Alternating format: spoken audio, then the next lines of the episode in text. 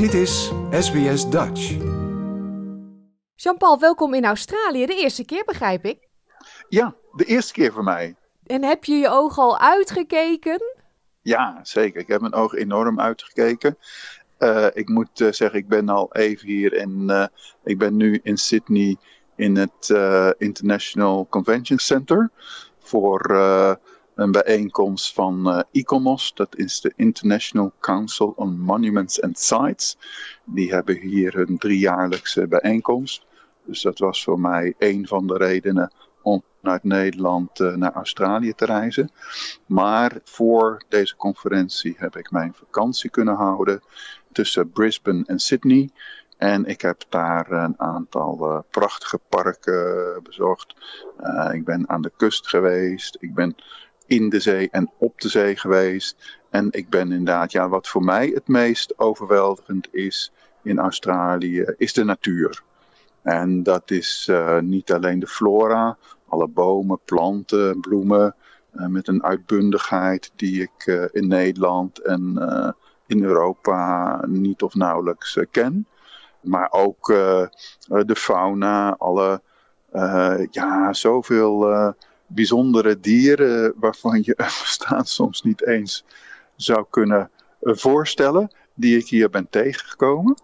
En uh, wat, wat mij ook opviel in de Australische natuur, maar misschien is het mijn perceptie, dat alle dieren lijken hier veel minder schuchter dan ik in Nederland altijd merk. Als ik in Nederland over de Veluwe fiets bijvoorbeeld, en dan zie ik af en toe wel eens een hert of een ree. Maar zodra die mij maar enigszins in het oog krijgt, dan, dan schiet die weg.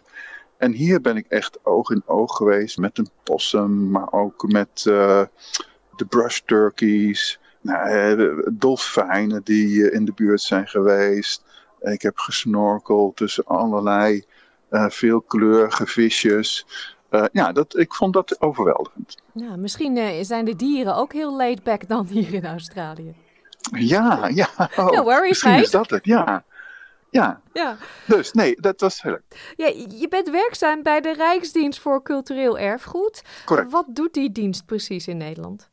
Nou, de Rijksdienst voor het Cultureel Erfgoed is een onderdeel van het ministerie van uh, Onderwijs, Cultuur en Wetenschap.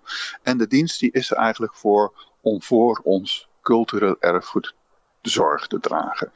En dat doen we dus in principe uh, zijn wij verantwoordelijk voor het cultureel erfgoed binnen onze landsgrenzen. Maar nu is het natuurlijk zo, als je je werk in eigen land goed wil doen, dan heb je soms ook kennis, ervaring, expertise nodig uit het buitenland. En dat is waarom wij als Rijksdienst voor het Cultureel Erfgoed ook een internationaal samenwerkingsprogramma hebben op erfgoed. En dat doen we met een aantal uh, partnerlanden. En die partnerlanden zijn deels uitgekozen door buitenlandse zaken. En een van die partnerlanden is Australië. Nou, dat maakt het cirkeltje weer rond dan. Maar wat is nou precies erfgoed? Want ik denk meteen aan hele mooie oude gebouwen. En ja, ja eerlijk is eerlijk, die heb je hier toch een stukje minder dan in Europa. Ja, nee, daar heb je helemaal uh, gelijk in. In Europa zijn er oudere gebouwen dan je hier uh, tegenkomt. Uh, maar tegelijkertijd zijn er ook heel veel interessante gebouwen hier. Het lastige met cultureel erfgoed is, of althans, ja, cultureel erfgoed is een heel ruim begrip. Het gaat niet alleen over gebouwen.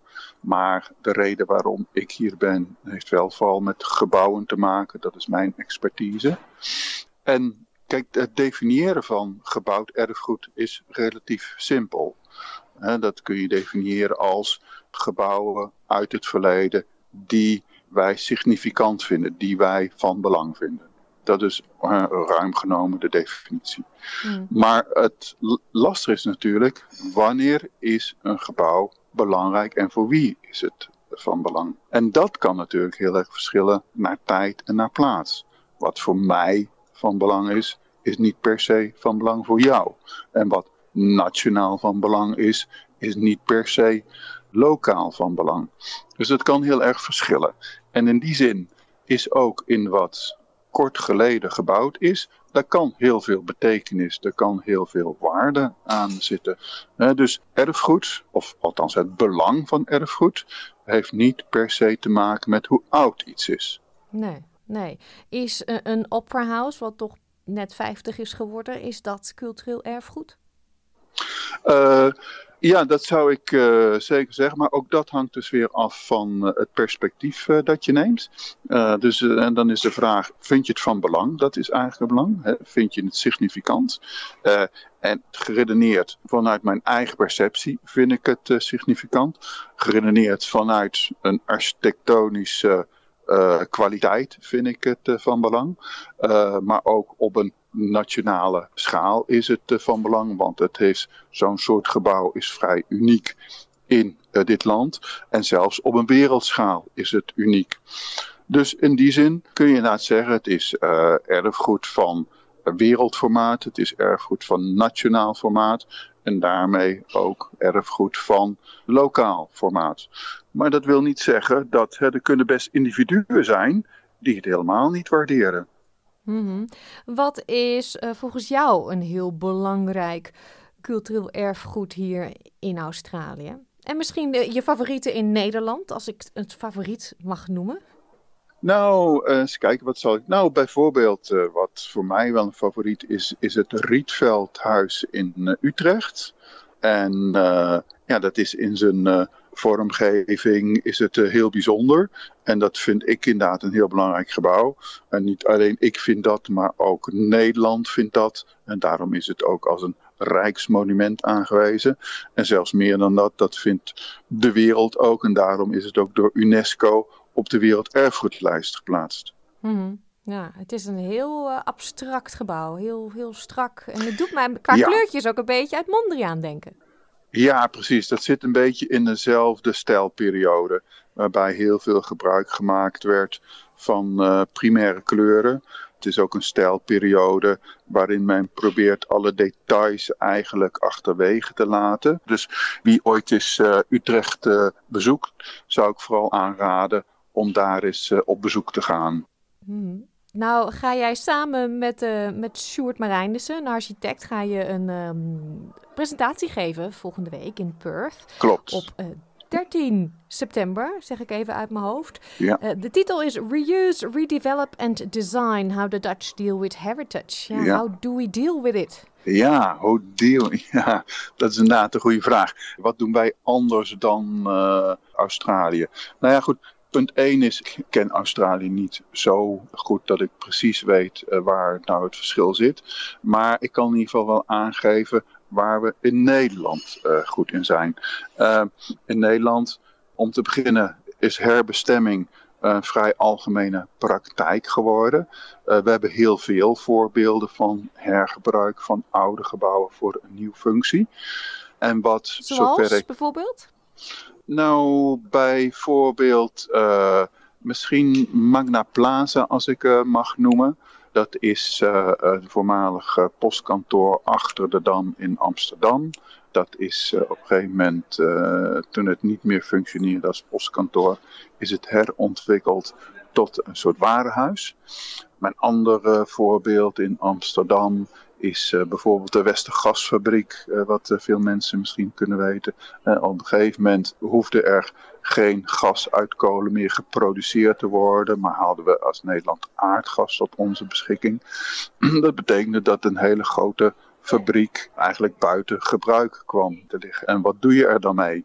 En logischerwijs zou je misschien denken, nou, we hebben het niet meer nodig. Er zijn andere dingen die we nodig hebben. Er zijn andere activiteiten die je moet accommoderen. Dus breek het dan af en maak iets nieuws dat is toegesneden op de nieuwe behoeften. Maar je kunt ook uh, andersom redeneren en kijken van nou, wat er nu is, kun je dat nog op een andere manier voor een ander gebruik inrichten. Kun je het anders zeg maar inrichten zodat het een huidige behoefte ook kan accommoderen. Nou, en dat is uh, op een hele mooie manier gedaan in die Westergasfabriek in Amsterdam. En nou, daar hebben we in Nederland vrij veel voorbeelden van. Oude fabriekscomplexen, die worden herbestemd tot woningen bijvoorbeeld. Wat ook heel bijzonder is in Nederland en in veel andere landen minder gebruikelijk, is dat wij kerken ook herbestemmen voor ander gebruik. En dat ligt soms gevoelig. Uh, niet iedereen heeft daar direct begrip voor dat je een religieus gebouw voor een niet-religieuze functie gaat herbestemmen. Dus bijvoorbeeld in Maastricht, een heel mooi voorbeeld van de Dominicanenkerk, die vanwege de secularisatie eigenlijk onvoldoende gelovigen meer had om uh, nou, de kerk uh, draaiende te houden. Dus toen heeft men er een boekhandel in uh, ontworpen. Dat is natuurlijk een ander gebruik. Maar er is wel heel mooi gebruik gemaakt van de ruimtes. Het is tegelijkertijd ook een plek voor ontmoeting gebleven. Het is ook een beetje een plek geworden van waar mensen een boek kunnen lezen, ja, stilte. Want uh, je hebt niet uh, dat je ja. een boekwinkel inloopt en rennend en lachend en ja, daar rondloopt. Ja. Dat is toch altijd een beetje... Ja, inderdaad. Dus daar zit wel een zekere relatie met het oorspronkelijk gebruik. met het oorspronkelijke karakter of het oorspronkelijke DNA, wat we soms zeggen, van dat oude gebouw. Nou, en dat is, denken wij, ook een beetje de kunst van het herbestemmen.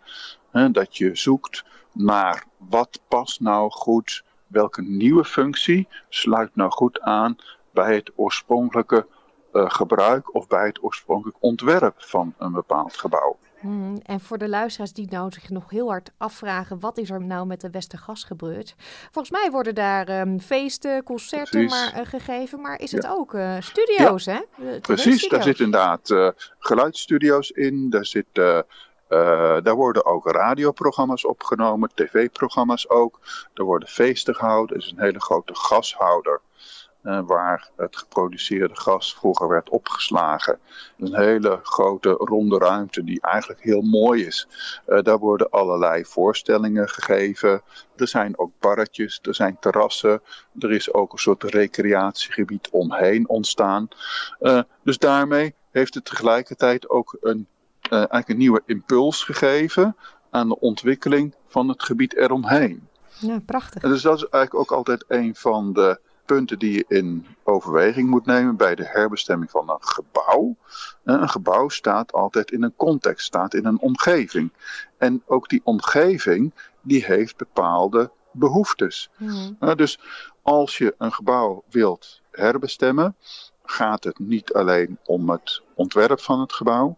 Het gaat niet alleen om het oorspronkelijk gebruik van het gebouw. Maar het gaat ook om eigenlijk het hele gebied eromheen. Ja, mooie puzzel af en toe, denk ik. Ja, het is ja, dat is inderdaad een goede vergelijking. Het is eigenlijk een soort puzzel. Mensen die nou enorm geïnteresseerd zijn in cultureel erfgoed en architectuur, die kunnen jullie presentatie bezoeken, hè?